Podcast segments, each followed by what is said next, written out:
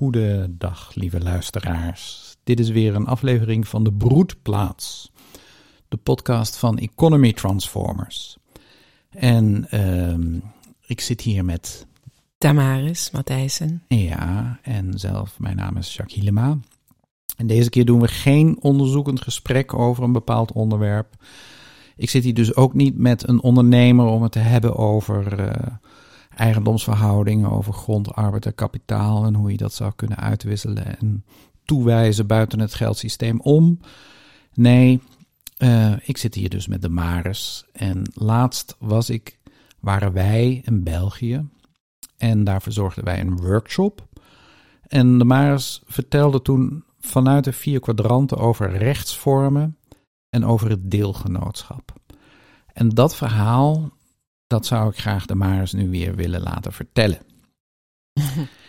en, uh, maar voor ja, dat, dat ik haar, haar verhaal laat vertellen, moet ik eerst iets meer vertellen over de vier kwadranten. De vier kwadranten is altijd uh, waar wij vanuit gaan. Hè? Mensen die voor het eerst Economy Transformers ontmoeten. Uh, die vertellen wij over de vier kwadranten. En mijn boek, het vierde scenario, gaat eigenlijk ook weer over die vier kwadranten. Wat is dat nou? Die vier kwadranten, dat zijn vier mogelijke uh, scenario's van hoe samenleving, de samenleving, zich verder zou kunnen ontwikkelen. En de essentie daarvan is, van elke samenleving, is hoe je, hoe je grond, arbeid en kapitaal uitwisselt en toewijst. En nog even los van wat grond, arbeid en kapitaal precies is. Hè. Grond is in principe gewoon de aarde en alles erop en eraan en erin. En arbeid, ja, dat zijn de mensen die hun arbeid betrekken op de aarde om iets te kunnen creëren. En kapitaal, dat is de manier waarop je uh, arbeid weer organiseert. Dat kan van buitenaf, maar het kan ook van binnenuit. En met de manier waarop je het organiseert, in de meest ruime zin, dus een goed idee om op een efficiëntere manier arbeid te verrichten, dat is al uh, kapitaal betrekken op arbeid. Maar nu gaat het erom, hoe wissel je dat uit? Hoe wijs je dat toe aan elkaar? En uh, nou, er zijn eigenlijk vier mogelijkheden. Maar dat wil zeggen in de moderne tijd. Vroeger had je nog allerlei andere mogelijkheden, maar die zijn echt passé. Die vier mogelijkheden zijn enerzijds het kapitalisme. Daarin wordt grond, arbeid en kapitaal gekocht en verkocht. Dus de uitwisseling vindt daar plaats via de markt in het geldsysteem. Nou, dat heeft allerlei grote gevolgen. Onder andere de kloof tussen rijkdom en armoede, uitbuiting van arbeiders en natuur. Gaan we verder niet op in. Kapitalisme. Daartegenover staat het communisme. Het communisme, dat is eh, dat de uitwisseling en de toewijzing door de staat, dus centraal geleid, geschiet. Iedereen is een loondienst bij de staat. Iedereen, uh, alle grond is ook van de staat en de staat wijst dat toe aan mensen om daar landbouw op te bedrijven de staat heeft ook het monopolie om krediet te verlenen en om uh, fabrieken toe te wijzen aan mensen. En uh, ja, alles is dus van de staat. Dus buiten het geldsysteem om, de staat wisselt uit en wijst toe. Nou, sinds de val van de muur in 1989, uh, eh, ja, krijg je dat het kapitalisme eigenlijk steeds communistischer wordt en het communisme steeds kapitalisme, kapitalistischer. Oftewel, Enerzijds vindt die uitwisseling plaats via de markt. En tegelijkertijd bemoeit de staat zich er steeds meer. Bij grond is dat het duidelijkst, ook in Nederland. Uh, je kunt grond, een stuk grond kopen, maar de staat bepaalt weer, of de overheid in dit geval, wat de bestemming is voor die grond. En als je een stuk grond hebt gekocht en je wil daar een huis op bouwen of je wil er iets mee doen, dan moet je altijd langs de overheid om te vragen: kan dat? Krijg ik hier een vergunning voor? Of moet de bestemming veranderd worden? Dus we zitten in een situatie waarin, uh, ja, waarin, waarin zowel de markt als de staat die uitwisseling en die toewijzing uh, verzorgen. Nou, er is er nog een vierde scenario. Daar staan wij voor als economy transformers. En dat is dat we grond, arbeid en kapitaal buiten de staat en de markt om van binnenuit in goed onderling overleg uitwisselen en toewijzen al ons werk, nou, al ons werk, een groot deel van ons werk is hoe organiseer je jezelf? Hoe organiseer je je initiatief zo dat je grond van zichzelf maakt, dat de mensen van zichzelf zijn en dat je dan dus horizontaal georganiseerd met elkaar samenwerkt, zelfsturend, zelforganiserend. En hoe maak je een bedrijf of het kapitaal ook van zichzelf, zodat uh, uh, ja, dat, dat, dat het niet meer uitgewisseld wordt door te kopen en te verkopen, door overnemen, maar dat we dat in goed onderling overleg doen. Ik ga binnenkort, uh, of een van de volgende podcasts, ga ik Koos Bakker interviewen over Slijpnier. Slijpnier is zo'n orgaan, een kapitaalorgaan, die het mogelijk maakt dat bedrijven van zichzelf zijn. Daarover later dus meer. Maar nu graag de Maris en haar verhaal. En dan niet op macroniveau, wat ik dus nu net even schetste, maar meer op microniveau. Als je jezelf horizontaal gaat organiseren, je initiatief. Als je um, de grond waarop je werkt van zichzelf maakt, het kapitaal, het initiatief van zichzelf maakt. Dan moet je dat in een bepaalde rechtsvorm doen. Wij hebben het deelgenootschap, maar hoe zit dat nou met dat deelgenootschap? Wat is een deelgenootschap? En, en, en, en hoe neutraliseert of weet ik veel wat uh, een BV of een NV of een stichting? Dan maar eens. Vertel eerst maar eens hoe je op rechtsvormenniveau uh, dat indeelt in die vier kwadranten. Um, ja, ik weet niet of dat de eerste vraag is. Want eerst wil ik dan even zeggen dat dat deelgenootschap dus een vrije ruimte is. Mm -hmm. In dat rechtsboven kwadrant. Dus je gaat zelf nadenken. Hoe wil ik organiseren? Wie is er waarvoor aansprakelijk? Uh, wie heeft het? Wie mag welke besluiten nemen? Gewoon hoe wil ik met elkaar om? Hoe willen we dat, hier dat we met elkaar omgaan, horizontaal? Ja. Nou, daar is die structuur van het deelgenootschap voor ontstaan, omdat uh, in de huidige structuren uh, mensen eigenlijk heel snel naar de notaris gaan voor een rechtsvorm. En met die rechtsvorm komt meteen mee hoe je organiseert. Dat is niet per se bewust, maar omdat je in een rechtsvorm moet vastleggen wie er aansprakelijk is en hoe de besluitvorming in elkaar zit, zit je eigenlijk meteen in een vorm van samenwerken. Want dat bepaalt voor een heel groot deel de samenwerking. Dus um, heel vaak wordt het kiezen van een rechtsvorm ook ingericht voor, vanuit uh, ideeën over belastingen. Wanneer, wanneer is het voor ons handig? En, en dat hele samenwerkingsvraagstuk komt dus op de achtergrond terecht, terwijl dat eigenlijk primair is.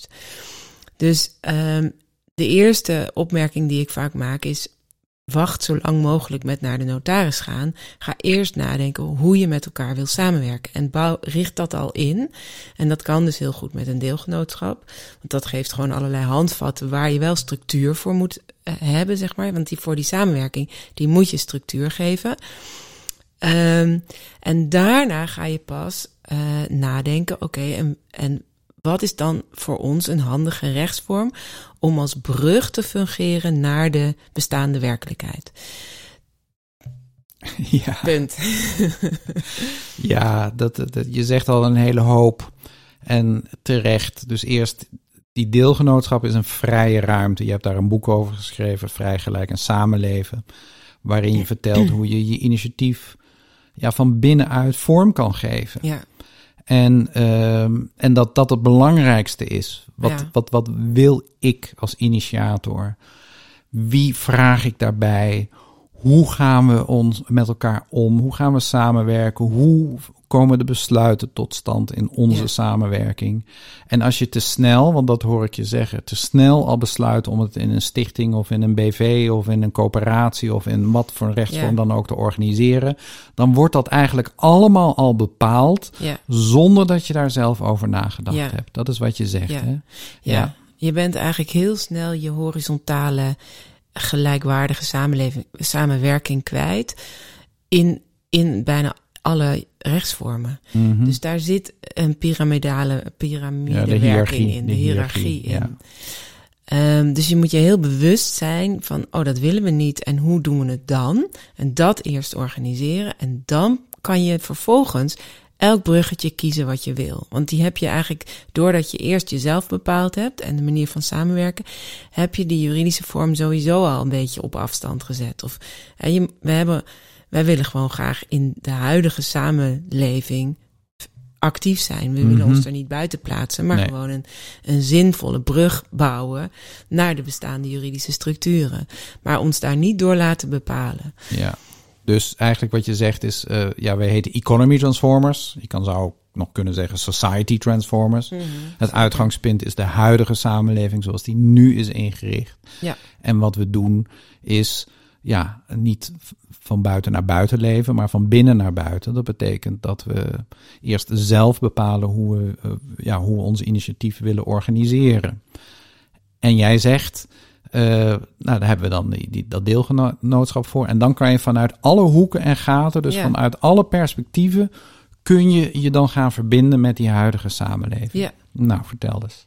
Ja, en dat is zo leuk aan die kwadranten. Want die, ehm, ja, die kan je met allerlei onderwerpen vullen. Of hoe zeg je dat? Alle onderwerpen kan je vanuit die vier verschillende perspectieven inhoud geven. Dus ook eh, die rechtsvormen kan je indelen in die verschillende kwadranten. Ehm, dus Bij het kapitalisme bijvoorbeeld. Bij Ja. pure markt. eh, bij pure markt economie. kom je eigenlijk bij de BV en de NV's uit. Mhm. Ehm, als, als, als rechtsvorm die daarbij past. Maar ik moet nog heel even zeggen dat überhaupt alle rechtsvormen, wij, wij beleven het, rechts, het huidige rechtsdenken is een, een denken vanuit angst en controle. Ja. Ehm, en vanuit het wegorganiseren van aansprakelijkheid en risico's. Dus zolang ik maar gevrijwaard ben van risico's. Ehm, dus die, ja, noem het maar, de geest van angst en controle ligt onder onze huidige eh, Sociale werkelijkheid. sociale de manier werkelijkheid. waarop wij rechtsvormen, wij Ja. als samenleving, huidige samenleving, rechtsvormen hebben gecreëerd. Ja, en daarom is het zo belangrijk om die vrije ruimte eerst zelf te vullen vanuit vertrouwen en, en liefde. Hm. Ehm, en, die, en die gelijkwaardige eh, samenwerking eh, te borgen. Om vervolgens dus een rechtsvorm te, te kiezen. Waar, waar je dus minder ehm, onder invloed staat van die angst en controle. Mhm. En dan heb je ehm, ja, de BV's en de NV's. Dat is natuurlijk de, ja, dat is een soort strijdende eenheid ten opzichte van andere BV's en NV's. Ja. Ehm, op die markt, op die vrije markt. ja, die kunnen elkaar ook brutaal overnemen. Overnemen, ja. Ja, precies. Of- Of dat de aandeel bij een NV, dan kun je op de beurs eh, aandelen kopen en je kunt dan in Ja. één keer kun je je invloed eh, laten Ja. gelden. Ja. Ja. ja, dus dat is een structuur die ik niet zo heel snel zou optuigen. maar aan de andere kant, eh, in onze huidige systemen eh, krijg je een ehm, hypotheek Mhm. met een vast inkomen, met een salaris. ja. Dus als je een vaste baan hebt, dan heb je eh, meer kans op een hypotheek en anders bijna niet eigenlijk. Mhm. Ehm, dus het- je kan als organisatie best zeggen: hé, hey, wij werken met heel veel jonge mensen samen, die hebben allemaal een huis nodig. Ja, laten we ze een vast contract geven, want, want dan kunnen we ze helpen aan een huis. ja, dus dat is dan een reden om jezelf Dat toch te je- organiseren in een BV. Ja, daar zou je voor kunnen kiezen. En dan, Terwijl je tegelijkertijd je ook horizontaal Ja. wil organiseren. ja, en daar heb je dus dan, dan heb je dus die loondienstverhouding te eh, neutraliseren. Hè? Dus Mhm. wij zeggen eigenlijk. eh, de loondienstverhouding moet je niet onderschatten. Daar zit ook een piramide in, een, een Hiërarchie. hiërarchie eh, tussen baas en, en werknemer. Ja, werkgever, werknemer. Werk- Ja. En, en in principe is de baas eigenaar van jouw tijd en kan bepaalt wat jij daarin moet doen. Mhm. Eh, en als de puntjes bij de paaltjes komen, hè, je kan heel lang zeggen nee, maar het geldt niet en wij zijn hier gelijkwaardig. Maar als de puntjes bij de paaltjes komen en die werknemer ineens toch iets gaat doen waarvan de baas denkt, ja maar ho eens even, dat mag niet.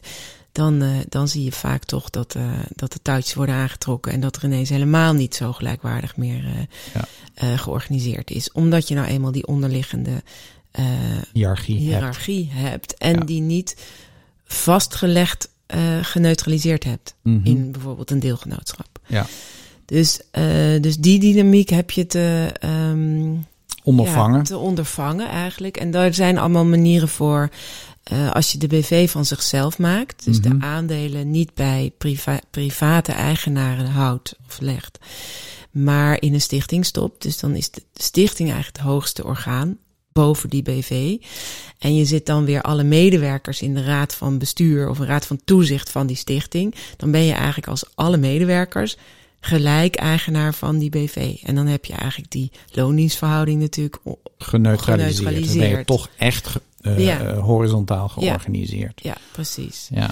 Dus dat zijn dan allemaal eh, manieren om in, met de huidige juridische structuren toch die dynamiek te ontkrachten. Ja, dus de dynamiek tussen de baas en de, Ja. en, en de knecht. maar ook, maar plat ook gezegd. de dynamiek tussen de aandeelhouders. Hè? Dus Mhm. ja, inderdaad de baas, knecht en, en het eigenaarschap. Hè? Ja, de wie betaalt, private bepaalt. eigenaar. Ja. Ja.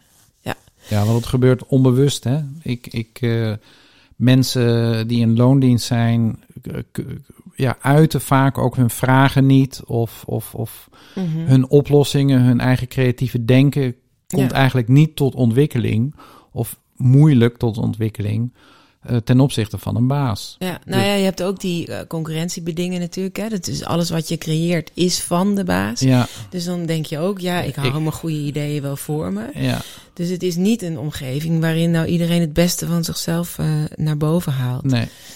En, en wij zeggen eigenlijk, ja, dat kan niet. Ik bedoel, al het, al het kapitaal, want dat is eigenlijk kapitaal wat je creëert, dat, dat, is, eh, dat moet een common zijn. Ja, Ehm, dus dat kan je niet privé toe-eigenen. De baas niet, maar jij ook niet. nee. Dus daarom zijn wij eigenlijk tegen die, die, die loondienstverhoudingen.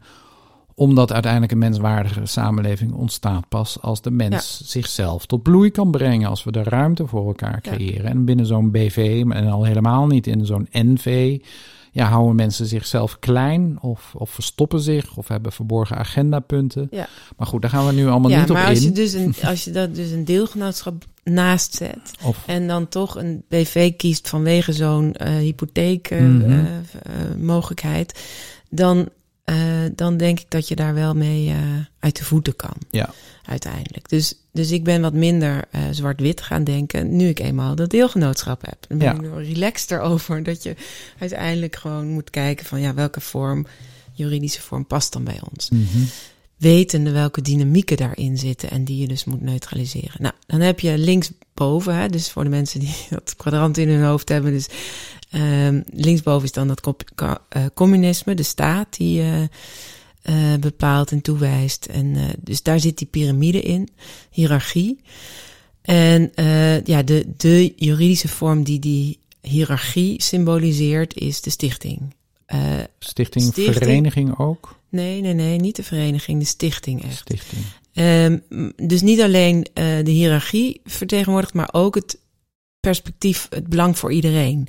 Dus bij de BV is het meer mijn mijn eigen belang, hè, ons eigen bedrijf ten, in de vrije markt ten Ja. opzichte van anderen. Mhm. Maar stichting is ten algemene nut, hè, Ja. voor, voor het goede. Dus die stichting heeft in principe een algemeen nutbeogende doelstelling, als je een ambistatus wil. Ehm, dus die, is, die, die wil het goede, maar wel in een hiërarchie. Ja, dus wel opgelegd, hè? Extern bepaald, zeggen wij dan. Ja, en dat heeft te maken met dat eh, de, het bestuur het hoogste orgaan is binnen Mhm. een stichting. Ja. Ehm, en binnen het bestuur ook nog eens de voorzitter. En ook die kracht van een bestuur moet je niet ontkennen, ont, onderschatten. Onderschatten. Ja. Dus daar, ook daar kan je zeggen: nee, we zijn allemaal gelijk en eh tadadada. Ehm, maar dat kan je bijvoorbeeld als voorzitter zelf wel echt voelen. Maar dan gaan andere mensen ook in jou projecteren dat jij de voorzitter bent. Dus voor mensen, dus ook al zou je zelf boven je eigen voorzitterschap staan, zeg maar, Mhm. en echt je gelijkwaardig voelen, andere mensen kunnen ook last hebben van deze hiërarchie en naar jou kijken. Ja, zeg jij het maar. Want Ja, de jij wer- bent werknemers van een stichting of, Ja. eh, of, of, of, of medewerkers. Ja. Ik herken dat wel. Ook hier weer dat je, dat je als je een creatief idee hebt of een oplossing ziet voor een vraagstuk die op dat moment leeft, die, die uit je moeilijker. Of eh, ja, het is toch moeilijker om dat gewoon te zeggen. Of wat dan ook gebeurt is dat je, dan zie je die voorzitter en dan zie je dat er iets mis is. En dan ga je die voorzitter verwijten dat er iets mis is. Terwijl jij ziet dat er iets, iets gedaan zou kunnen worden. Ja, dus dat is die projectie in die voorzitter, Ja. hè, die dan verantwoordelijk gesteld wordt Mhm. voor, eh, voor alles. En die zich vaak ook, het voorzitterschap trekt ook mensen die graag die verantwoordelijkheid nemen natuurlijk. En, en, en dan ook de aansprakelijkheid. Hè? Dus de, ehm, het argument van de aansprakelijkheid naar voren brengen. Van ja, maar uiteindelijk ben ik wel verantwoordelijk en aansprakelijk. Ja. Dus we Ik gaan heb- het doen zoals ik het zeg, want Ja. anders gaat het mis. Ik ben eindbevoegd. Ja. Ik, ik ben beslissingsbevoegd. Ja, Ja. want aansprakelijk. En ik Mhm. heb dit, toen ik dat deelgenootschap, toen we dat verder ontwikkelden, heb ik eh, advocaat gesproken van ja, hoe reëel is nou die aansprakelijkheid? Hè? Als ik zeg van hé, hey, we moeten eigenlijk die hiërarchie van, die, van dat bestuur ontkrachten of daar eh, ui- onderuit komen. Maar hoe reëel is dit nou? Hoe, hoe vaak gebeurt het nou? Toen zei hij dan maar eens, maak je geen zorgen. Is op, op één hand te tellen in Nederland wanneer een bestuur, zeg maar. ehm, Werkelijk ergens aansprakelijk Ja. voor wordt gesteld. ja, dan moet je zo, zo fout zijn. Mhm. Eh, dus dat gebeurt zelden. Ja. Dus die hele de kaart, om de kaart te trekken van ja, maar ik ben wel aansprakelijk, dus ik heb de macht. Die is eigenlijk gewoon niet, ja, niet reëel of niet nodig. Nee. Niet, niet waar. En het hoe, is puur karakterologisch en, en systemisch dat je ja, iets projecteert in de voorzitter en dat de voorzitter dat op zich neemt. ja. en hoe neutraliseert het deelgenootschap vanuit de rechtsboven de stichting die Ja. linksboven zit? Ja, het bestuur. Nou, wij, wij doen dat op een manier dat je eh, een dienstbaar bestuur op afstand kiest. En dat je een onderhands contract tekent met het bestuur als deelgenootschap, waarin je zegt: Oké, wij deelgenoten nemen de aansprakelijkheid op ons. Wij zijn te allen tijden aansprakelijk voor wat er ook gebeurt. Ehm, wij nemen de verantwoordelijkheid op ons voor het doorontwikkelen van de organisatie. Wij bepalen wat er gebeurt, wel- welke richting we opgaan enzovoort. Welke besluitvorming daar, dat, daar hebben we het even niet over. Ehm, maar wij nemen dat allemaal op ons. En het bestuur tekent voor. ehm, ja, het is loslaten van de formele positie. Hmm.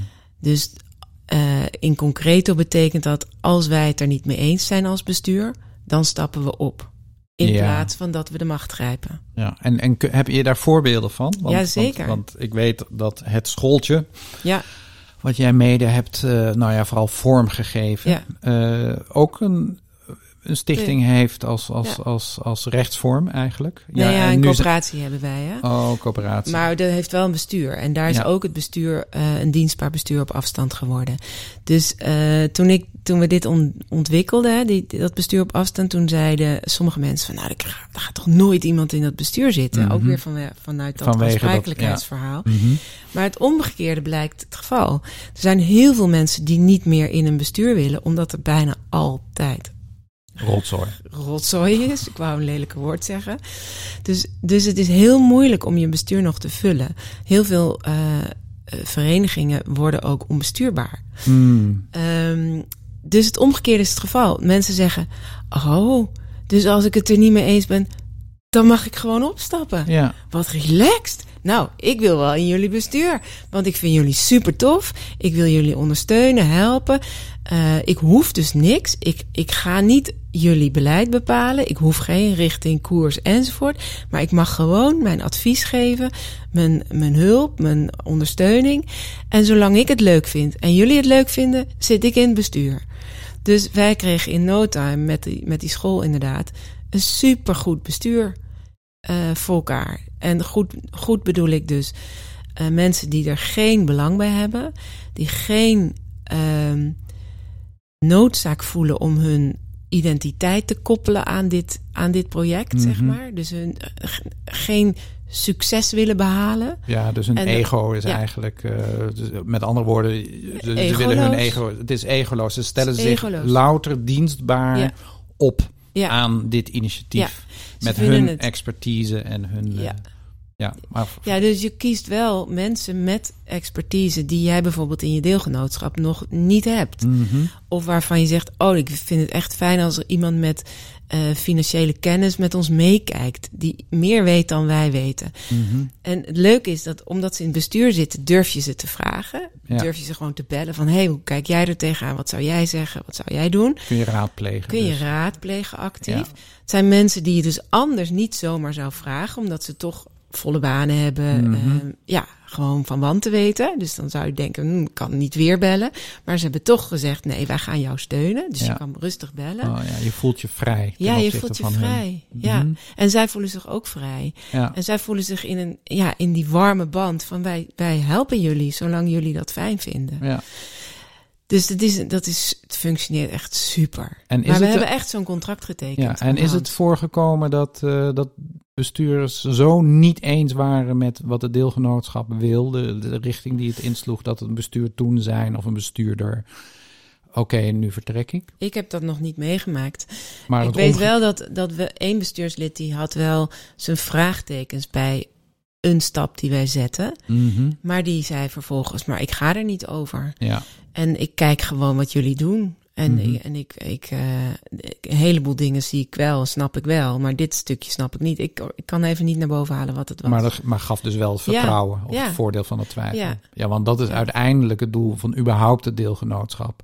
Ja, dat je die ruimte creëert waarin liefde en vertrouwen zich Ja. kan ontwikkelen. Ja. En, andersom. Kom ik nog even terug op dat je net zei dat in het eh, angst- en controlegebied proberen mensen alle risico's af te kaarten, wat eigenlijk niet kan. Nee. Betekent nou in het, in het vertrouwen- en liefdescenario waar wij voor staan, dat je dus eh, risico's accepteert Ja. en elkaar ook helpt om die risico's te nemen.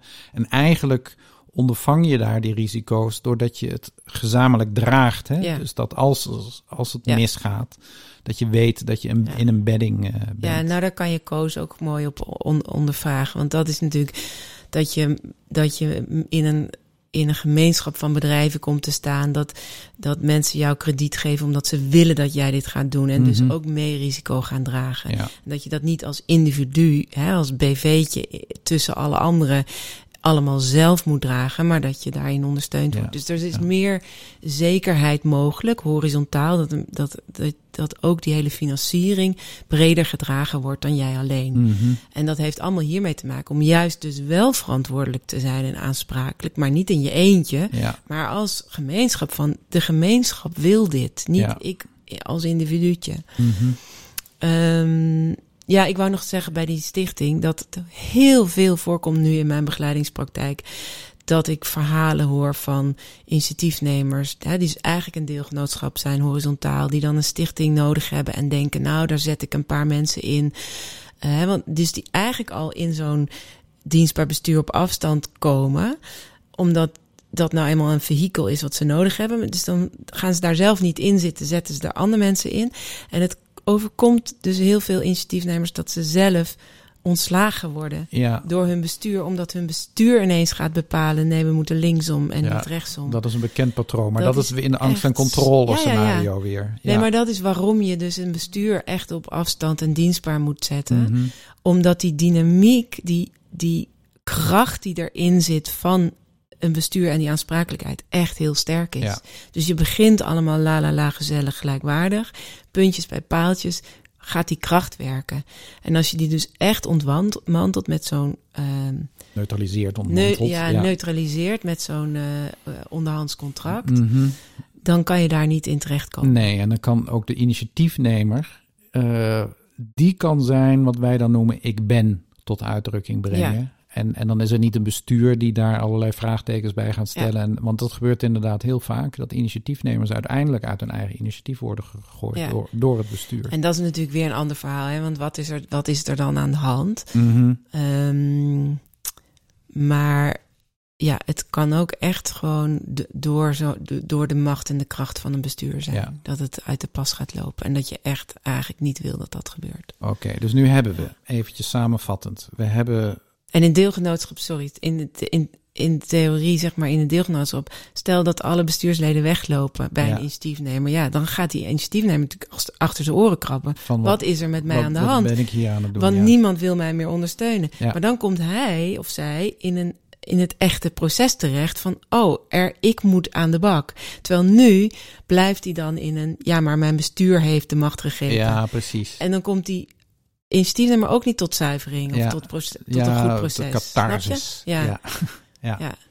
Oké, ehm, ik wil naar het eh linksonder kwadrant, want we hebben nu eh rechtsonder gehad, de BV's en de NV's en hoe dat geneutraliseerd kan worden door een deelgenootschap. We hebben het over de stichting gehad, die eigenlijk linksboven zit, eh, en hoe dat geneutraliseerd kan worden door het deelgenootschap. Wat zit er in dat rechts? Is dat rechts? Links. Linksonder onder kwadrant. kwadrant. Dus, dus wat wij dan noemen vreemd bepaald, dus van buitenaf opgelegd. En jezelf afgezonderd denken van het geheel waar je deel van uitmaakt. ja, dat is volgens mij voor nu, als mensen dat nog nooit gehoord hebben. En, Een be- Te te ver. Maar, maar in ieder geval in daar het... hebben we andere podcasts over genomen, opgenomen. Die moet je dan maar terug eh, luisteren. Die zijn eh, interessant. Ja. Ehm, maar inderdaad, linksonder. Ja, dat was echt wel een eye-opener voor ons toen we dat ontdekten. Van, oh, daar zit de coöperatie. Ja, dus de coöperatie is eigenlijk het Daar slechtste. Nou, ja. Het, het combineert de BV, NV tegen Ja. elkaar vechten gebeuren. ja, En de stichting van buitenaf en bovenaf opleg het gebeuren. Ja, het heeft die tegengestelde krachten in zich. Mhm. Dus ik wil eerst zeggen, eerst en be- vooral zeggen dat de mensen die een coöperatie opzetten heel graag horizontaal en gelijkwaardig willen organiseren. Ja, Dat zit ook op een bepaalde manier wel ook in een coöperatie. Dus er zit ook echt die geest, intentie. die, goede inten- intentie. die goede intentie van we doen het met elkaar. Mhm. Maar bij een coöperatie zijn de leden het hoogste orgaan. Mhm. En de leden worden één keer per jaar bij elkaar geroepen en mogen dan stemmen over wat eigenlijk het hele jaar het bestuur heeft georganiseerd En uit te voeren ook. en uit, en uit te voeren. Dus je hebt en de hiërarchische werking van een bestuur Mhm. en, eh, en hoe groter de coöperatie wordt, hoe moeilijker, hoe meer die krachten gaan werken, zeg maar.